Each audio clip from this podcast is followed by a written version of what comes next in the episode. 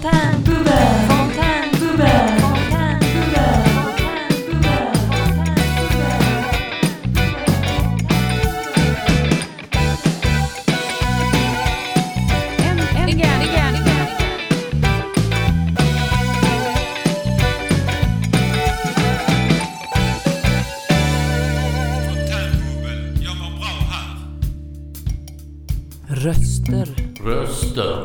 Röster.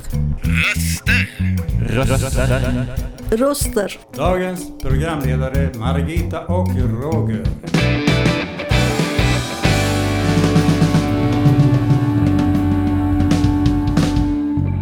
Dina röster i vardagen. Hej och välkomna till denna veckas podd från podcasten Fontänbubbel. Idag är det den 15 februari 2024. Vi ska tala om ämnet samvetet och förnekelse. Vi som leder den här podden idag heter Roger Klang och det här är min kollega. Margita. Och jag tänker ta en liten vinkling utifrån litteratur. Och sen kan det bli något personligt också. Ja, eh, jag har personligen skapat en konspirationsteori en gång i tiden. Jag trodde att samhällsutvecklingen kunde kopplas till en masterplan styrt av en maffia i regeringen och televisionen. Jag har hela tiden följt mitt samvete, men jag har levat i förnekelse. Vi ska gå in på detta lite närmare efter att vi har lyssnat på en låt. Välkomna tillbaka! Ni lyssnar på Fontänbubbel och det här var Blur Ives med låten The Times They Are A Changing. Bob Dylans gamla låt tror jag. Eh, Ja, det är en fin, fin låt. Ehm, den var bra ja. Ja, och du skulle ge en liten Ja, personlig vinkling. jag, jag ska göra. Jag ska gå vidare på det här. Som jag sa så är jag skyldig till att ha skapat en konspirationsteori. Det kan ha varit jag som ligger bakom den i vissa kretsar djupt rotade konspirationsteorin om eh, folkbytet. Men jag har kommit att förstå att människor i regering och television har varit lika mycket ett offer för, samhälls, för samhällsutvecklingen som någon annan. Det finns ingen mastermind, ingen puppet master, ingen som sitter på toppen och smider onda planer för att vinna mer makt i Sverige. Åtminstone så är det inte så i Sverige och Västeuropa. Trump och USA är en helt annan historia. Saudiarabien och Iran till exempel är också en helt annan historia. Men i Sverige söker vi inte krig. Man försöker att skapa ett så rättvist och tryggt samhälle som möjligt. Sedan är vi ju felbara människor och det kan därför verka som att någon har en ondskefull agenda. I synnerhet för någon som har paranoid schizofreni. Som jag själv. Ingen är perfekt. Inte heller politikerna eller mediefolket. Men framförallt så är jag inte perfekt. Inte du heller. Men vi skulle tala om samvete och förnekelse. Eh, Jag, jag tänker när du säger här att du är skyldig till att ha skapat den. Är det där du menar samvetet kommer in? Skuld och skam eller hur tänkte du att lyfta fram det här i samvets... Ja, ja, ja, om jag läser vidare så, så, så kanske kommer det klarnar lite. Ja, okej. Tack. Under den tiden när jag bloggade mina konspirationsteorier så följde jag någon slags röd tråd. Den röda tråden var mitt samvete. Men jag förnekade ändå att jag var ogudaktig. Jag är ju felbar. Ingen idag levande människa är gudaktig. Men det jag gjorde var att döma människor till den själsliga döden. Det var det ogudaktiga i att jag gjorde det som jag förnekade. Det man speglar på andra talar om mera om en själv än vad det säger om andra. Men hur ska man definiera förnekelse? För mig är det enkelt. Jag var den dödskalle som jag hela tiden dömde ut andra som. Mirror imaging kallas det på engelska. Domspegling skulle kunna vara ett svenskt ord för det. Jag sa det att jag levde i förnekelse. Jag sa det inte att jag saknar självinsikt. Idag i alla fall. Men klart är att jag skämdes för mina åsikter. Eh, Blev det klarare när jag... Ja, jag tänkte så här, jag har ju tittat på lite hur eh, filosofer lite grann säger om samvete och då hittar jag en definition. Eh, och du kanske inte har... Din definition här ligger kanske lite dolt och du, det här är som Cecilia Sjöholm som då är en, är en filosof och professor i estetik säger om samvete. Samvete är ett etiskt, politiskt och religiöst begrepp men det kan inte bara förstås i termer av empati. Det finns ett ra- radikaliserat samvete som lyder absoluta lagar och normer. Handlingar av radikaliserat våld som bokbål kan vara uttryck för samvete. Så jag tänker om då man har en idé som du har, då Ja. försvarar det din teori. Ja, och det stämmer precis på, på det jag säger och det som, som jag känner, känner att det är. Jag liksom, jag, jag, det var, allting var svart eller vitt. Mm. Antingen var man bra eller så var man dålig. Det kan ha att göra lite grann med min sjukdom också. Jag har eh, eh, i alla fall en, minst en eh, eh, diagnos. Så att säga.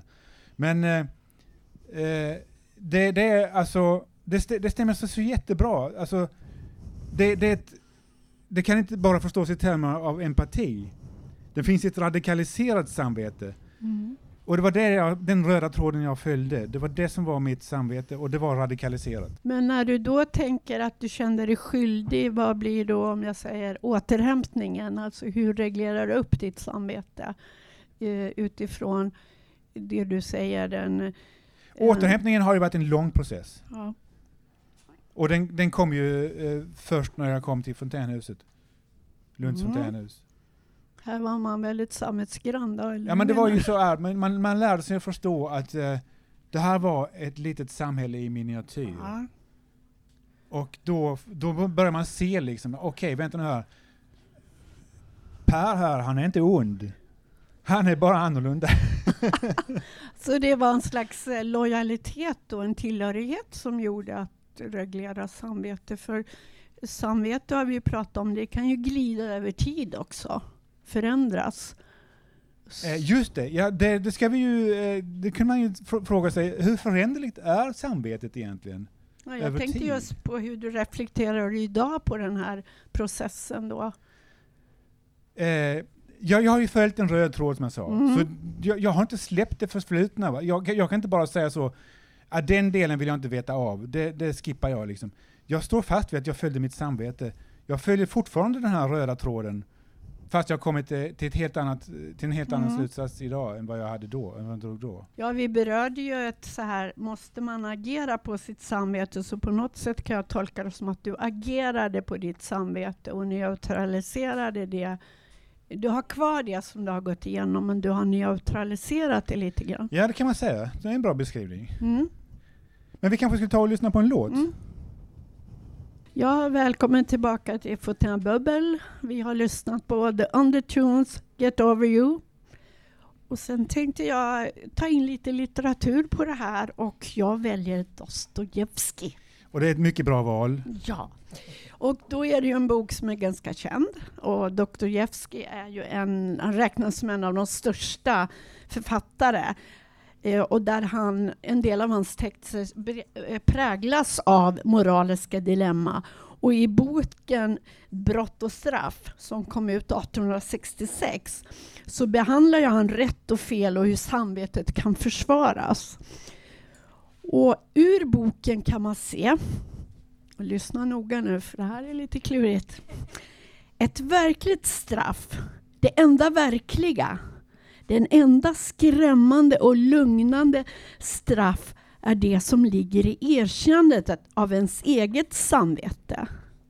Och varför jag säger, det finns två ord som är motsägelsefulla. Och jag hoppas ni hörde det. Skrämmande, men också lugnande.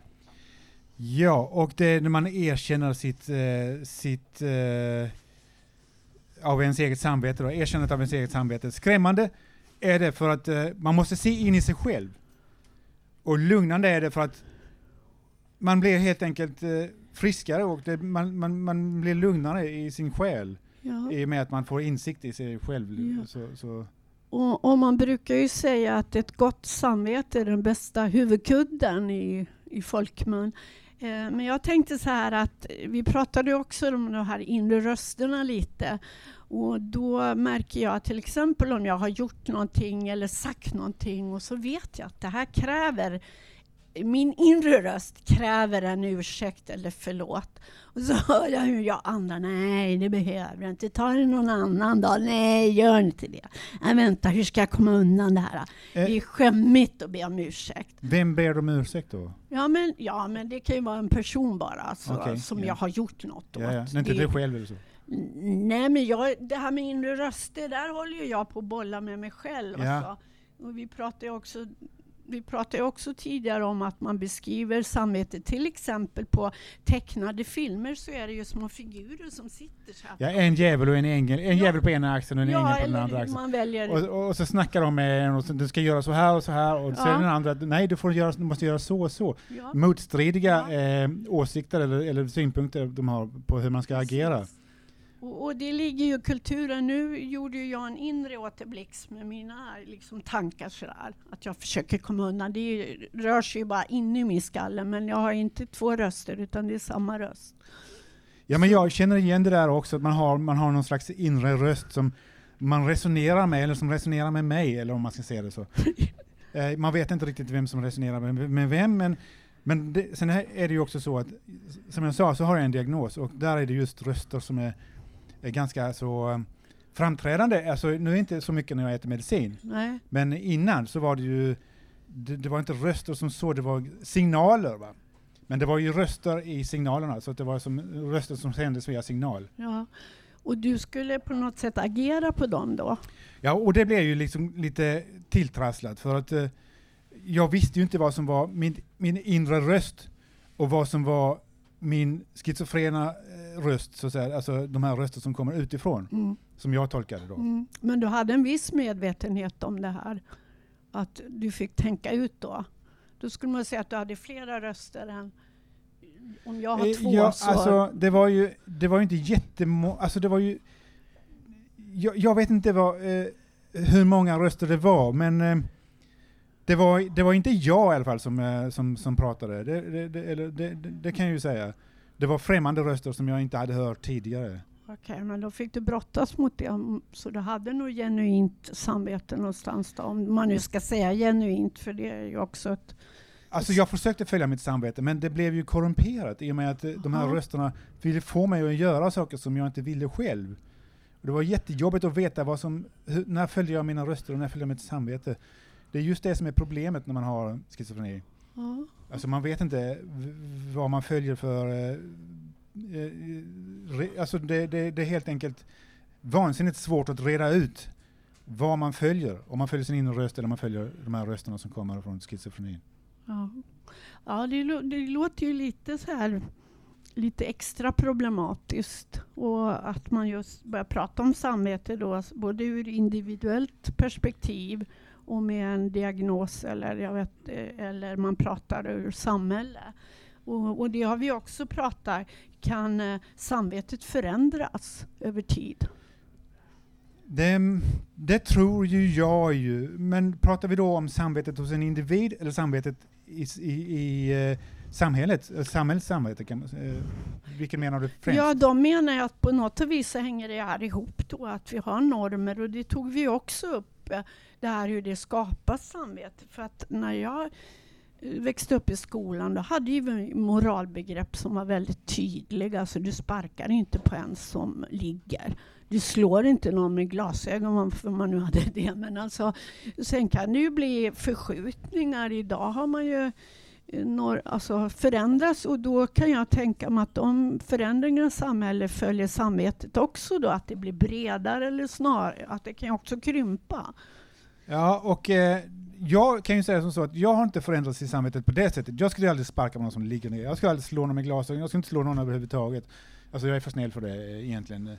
Eh, Jag, jag, det, ska vara, det ska mycket till. Jag, jag, har inte, jag har inte behövt göra det på många år. Många, många år. Ja men det har hänt kanske någon enstaka gång men, men det, är Ja. liksom inte, det, det ligger inte för mig. Det, det, var inte, det, det, är ingenting som är tufft eller så heller, så att det, det är meningslöst Ja. att, att syssla med det.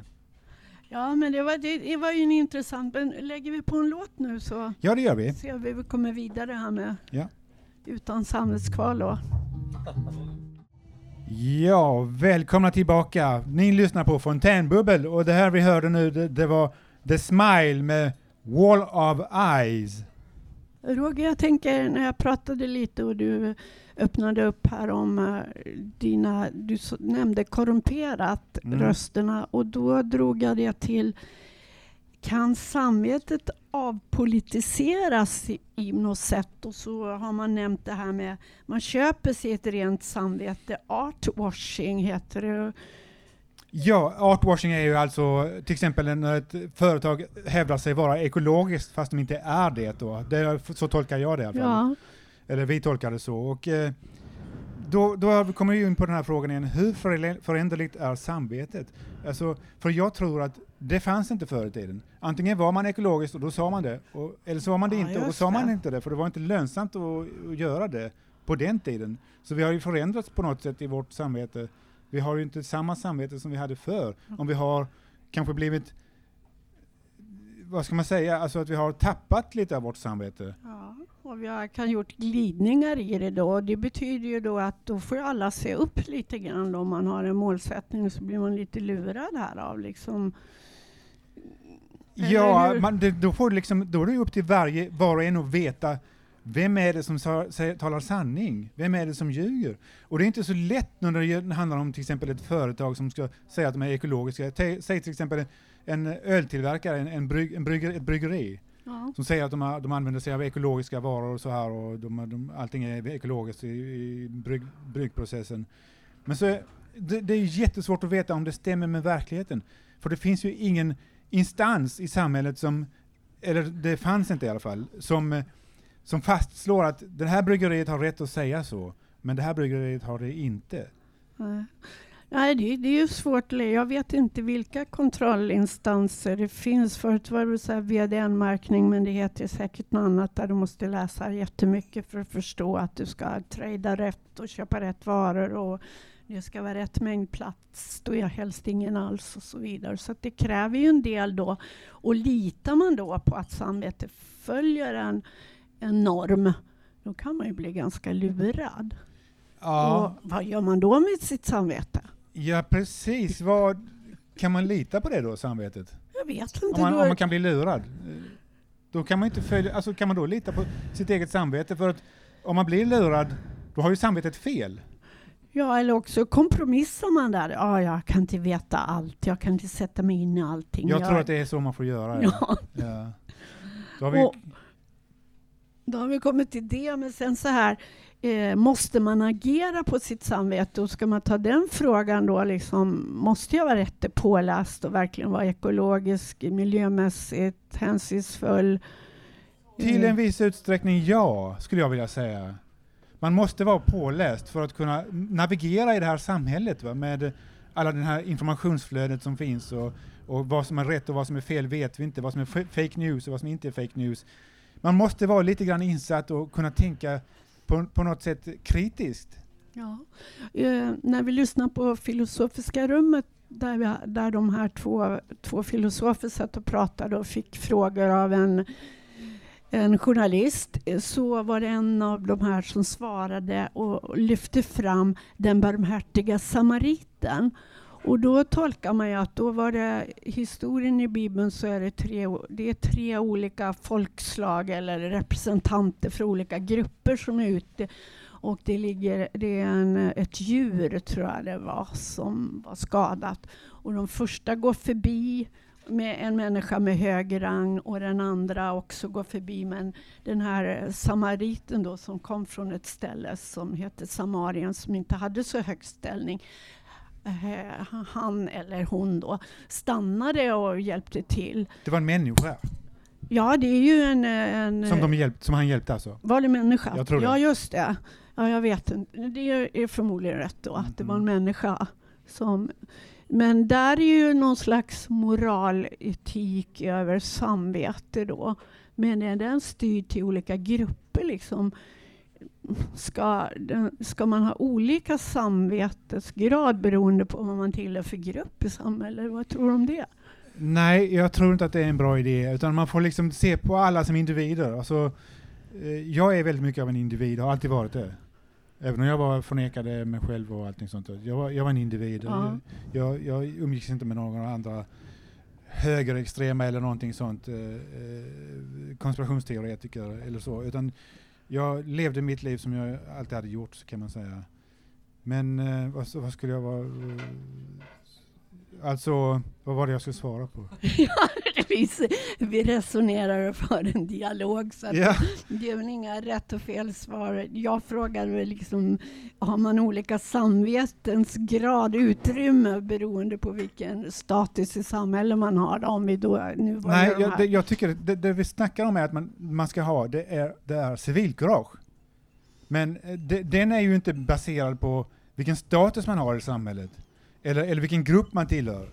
Utan det ska ju gälla för alla Mm. och gentemot alla. Mm. Och då, då kan man säga att den personen då som har civilkurage och den agerar också på sitt samvete. Det kan man Så säga. det blir väldigt det, tydligt att den, det följer en handling där då. Vi kommer ju till jättebra svar ju. Det är bra. Eh, hur ska vi göra? Ska vi... Vi kör en låt. Ja. Välkommen till eh, Fontänbubbel. Vi lyssnade till Lord Royals. Ja, eh, vi har en gäst med oss här uppe idag. Hej, vad heter du? Hejsan hejsan, jag heter Mattias. Hej Mattias. Och eh, du hade då en eh, En liten text. liten text du ville läsa Ja. upp här. Ja. Handlar om samvete och förnekelse i relation till skam. Samvete och förnekelse är två grundläggande psykologiska koncept som spelar en avgörande roll i hur vi uppfattar oss själva och våra handlingar. Särskilt i relation till känslor som skam spelar en central roll i vår psykologiska utveck- utveckling och dagliga välbefinnande. Skam är en kraftfull känsla som är djupt kopplad till vår självbild och hur vi tror andra uppfattar oss. Det är en känsla som inte bara berör våra handlingar utan även vår identitet. Trots dess smärtsamma natur kan skam också spela en viktig roll i, i personlig utveckling och själslig tillväxt. Skam är en djupt rotad känsla som utmanar själens kärna men den bär också med sig potentialer för betydande personlig och själslig tillväxt. Själslig helande. Genom att förstå de psykologiska mekanismerna bakom dessa fenomen kan vi utveckla strategier för att hantera dem mer effektivt. Vilket leder till en bättre självbild och övergripande emotionell hälsa. Samvete, förnekelse och skam är intimt relaterade koncept inom psykologin som ofta interagerar och påverkar varandra på djupa och komplexa sätt. Psykologi erbjuder verktyg och teorier för att utforska dessa aspekter av det mänskliga psyket, vilket ger viktiga insikter i hur vi kan leva mer harmoniska och uppfyllda liv. Mm, tack, det låter väldigt fint och jag, jag kopplar faktiskt det lite grann till det här ur Dostojevskijs bok Brott och straff, att man säger att det är både skrämmande och lugnande. Och du pratar om verktyg. Ja. Jag, jag växte upp och var väldigt blyg själv och fick skamkänslor, dåligt samvete. Liksom. Det var lite jobbigt men jag har utvecklat själslig helande liksom, tillväxt. Och Mm. det, så Men den skammen var inte relaterad till någonting du gjorde, det var mest för att Yes, den du var. inte våga visa vem Du- man var du- riktigt. Precis. du skämdes för det, mycket eller? skam över samvete i efterhand att jag kunde vara så blyg liksom. Ja. Ja, du, tyckte, du, du tyckte att du skulle vara modigare än Ja. vad du upplevde att du var. Ja, Och, och så då, du sa att du helade, du jobbade med den Det var biten väldigt då. smärtsamt men som jag sa, det kan bidra till personlig utveckling i, i långa loppet som har hänt mig också. Så.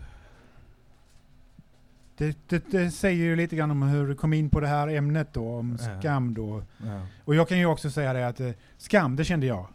Eh, det, var ska, det, var, det var mycket skamligt. Skam att inte våga ta för sig, liksom visa att... Men jag har nog inte samma utgångspunkt som du Nej, har. okej, för du, Ja. du var ju oskyldig till din känsla. Ja. Jag var ju skyldig till mig kan man säga. Ja. Ja, ni dömer er själva hårt här hör jag. Men nej, men jag, jag, det är klart jag ska göra det. Alltså jag, måste, ju- jag måste ju kunna se in i mig själv och, och eh, rätta mitt beteende och, och se, se hur det var, hur, hur jag är idag och vad, vad det är som skiljer. Jag tänker tillbaka på den tiden och tänker hur kunde jag vara sån liksom? Så har man lite skam, Men- samvete.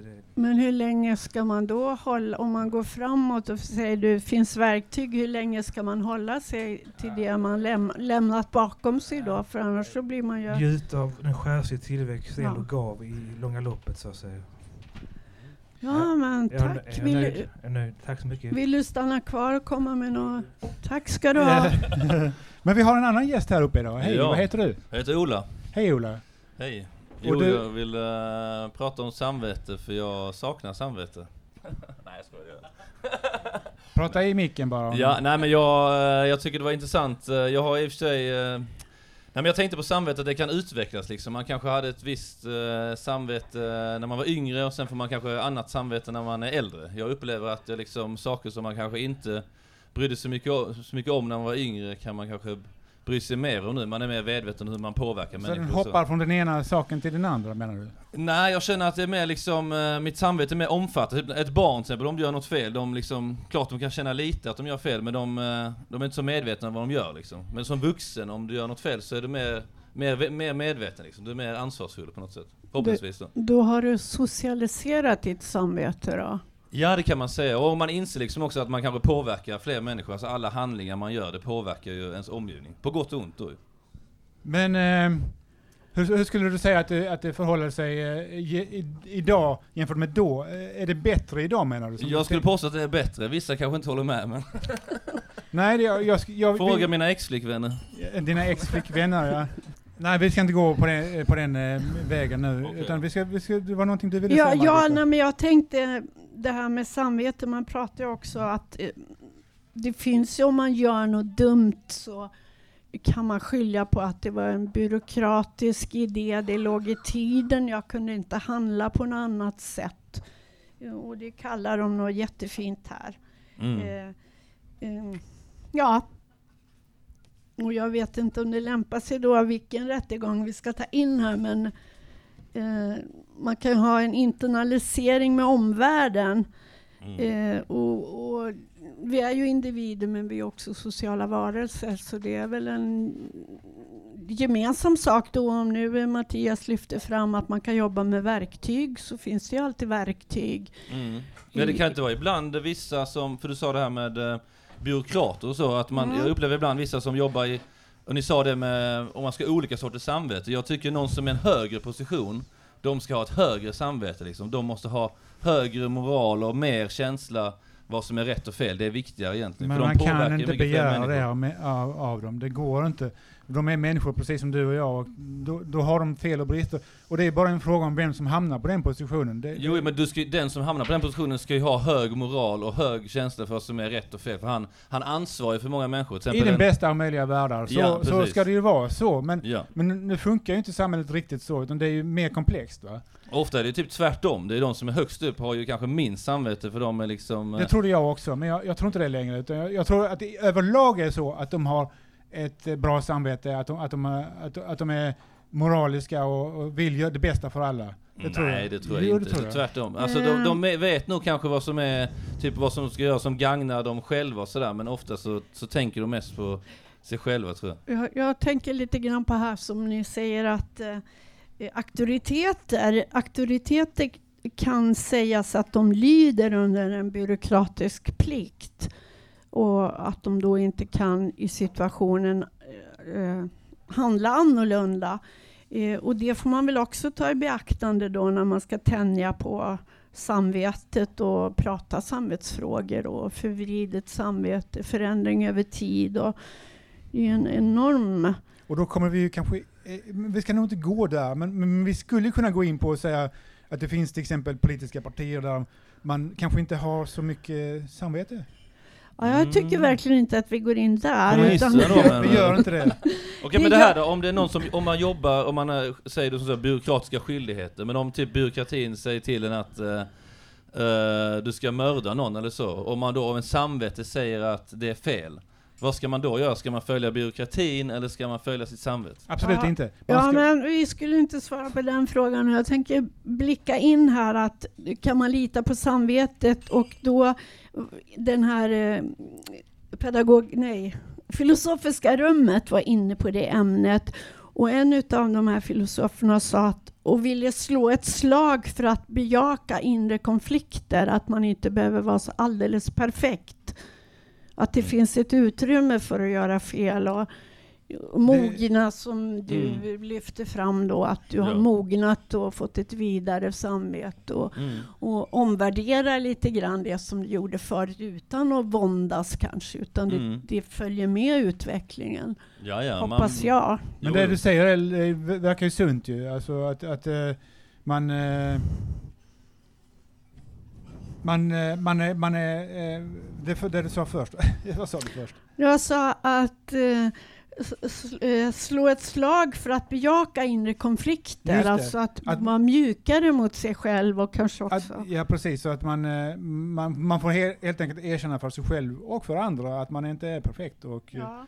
Mm. Och det, Men, men du säger att du tror att de eh, i toppen, att de eh, vill folks bästa och så. Men om det var så, skulle inte världen vara bättre då än vad den är nu i sådana fall? Nej men alltså, det, det, de är, de, det, du vet, makt är inte riktigt vad du tror det är. Makt Ja. är att ge råd. För- Mm. För det är så många olika viljor som, som ska vill ha sin vilja igenom. Mm. Att ma, det enda man kan göra som ÖB till exempel i, i försvaret, han kan ge råd Mm. och, och övertala, försöka övertyga folk om att hans idé kanske är rätt och Mm. och deras idé kanske inte stämmer så bra, eller så att det, det, att det kan kombineras och så. Att de får stötas och blötas och Mm, men om alla i den eh, toppgruppen har ungefär samma, du vet, alltså om de är alla lite så moraliskt förfallna, då blir det ju fel. Men det tror jag är väldigt uh, irre- orealistiskt. Eh, Jag hade ju tittat lite ur litteraturen och då så har man lyft fram hur Shakespeare gestaltar de här eh, Det finns ju kända personer då som figurerar i olika spel då och att man brottas med samvete. Sen vet jag inte om hur jag kan sätta in det i ett kulturtext, kulturell text. Men det ni pratar om är ju nutid och världens situation nu då och huruvida det finns samvete eller... Men då är vi tillbaka där med ängeln och, och djävulen på axlarna. Ja, hur? Och det, det är ju så att man brottas med sitt samvete ofta. Mm. Man, man tänker ofta på vad har jag gjort nu där? Och det, det, jag kom, man, man grämer sig över att man har betett sig illa mot någon eller så. Man, man har ett samvete som, som hela tiden kommer tillbaka, man grubblar över det och man försöker att hitta förklaringar och, och lite så. så att, Ja. Mm. Men det är väl bra att man har, det är tur att man har det egentligen för att annars, det är det som gör att som du sa, man bara har gjort något fel och så känner man oh jag borde be om Mm. ursäkt till den personen. Det kan jag känna igen och så vill man kanske bortförklara Mm. det. Men det gör ju att man då kan ändra på sig. Eh, Men jag tänkte på det, hur tror ni det är med personer som, eh, för det finns ju vissa som typ saknar så här samvete och Brukar man inte säga det, psykopater och narcissister, att de inte alls har samvete? Eller vad tror ni? Ja, men jag skulle fortfarande vilja ta det till Ja. filosofiska rummet och då pratar man också om, och det relaterar lite till politiken då, att man har ett avdomnat samvete i byråkratiska samhället och då kan man ju komma in på vad är det som styr samvete idag och vilka normer finns. Alltså man kommer ju in på det då, men man kan ju också kasta enskilda människor under bussen. Mm. Ja, för jag tycker inte man kan skylla på alltså, det byråkrati. Man har ändå som individ har man ändå ett ansvar. Liksom, att då väljer man ändå följa den byråkratin. Även om, den är, även om, om chefen har gett liksom en order så den är helt fel. Om man då vet med sig att det är fel men ändå följer det, då tycker inte jag man kan skylla Mm. på du, regeln. du menar att du följer ditt samvete alltså? Ja, det är viktigt tycker jag. Tänk till exempel, det är extremexempel, men du vet man brukar säga det med kanske Auschwitz och så du vet, att ja, ja vi följde bara order du vet. Men det håller egentligen inte. Alltså. Nej, det, det var väl li- lite grann som vi tänkte faktiskt gå in på också. Efter låten. ja. tar vi det. Ja, välkomna tillbaka. Ni lyssnar på Fontänbubbel och det här var Beyoncé med Texas Hold'em. Ja, Roger. Det blev lite intressant nu. Eh, Vi kom in på svåra frågor. Ja, men lite intressanta. Intressanta frågor, ja. Det är lite mer, man får använda huvudet lite. Ja, och vi har ju också benött det här med för, förvridet samvete och en historisk händelse. Ja, det var ju det här med Adolf Eichmann som, eh, som de, när han var i rättegången eh, i Israel, innan han blev avrättad då, för han blev dömd ju. Mm. Och han skulle förklara sitt, eh, varför han gjorde som han gjorde under kriget. Och, och då, då, då kom han in på någon slags förvridet samvetes kvar, alltså att han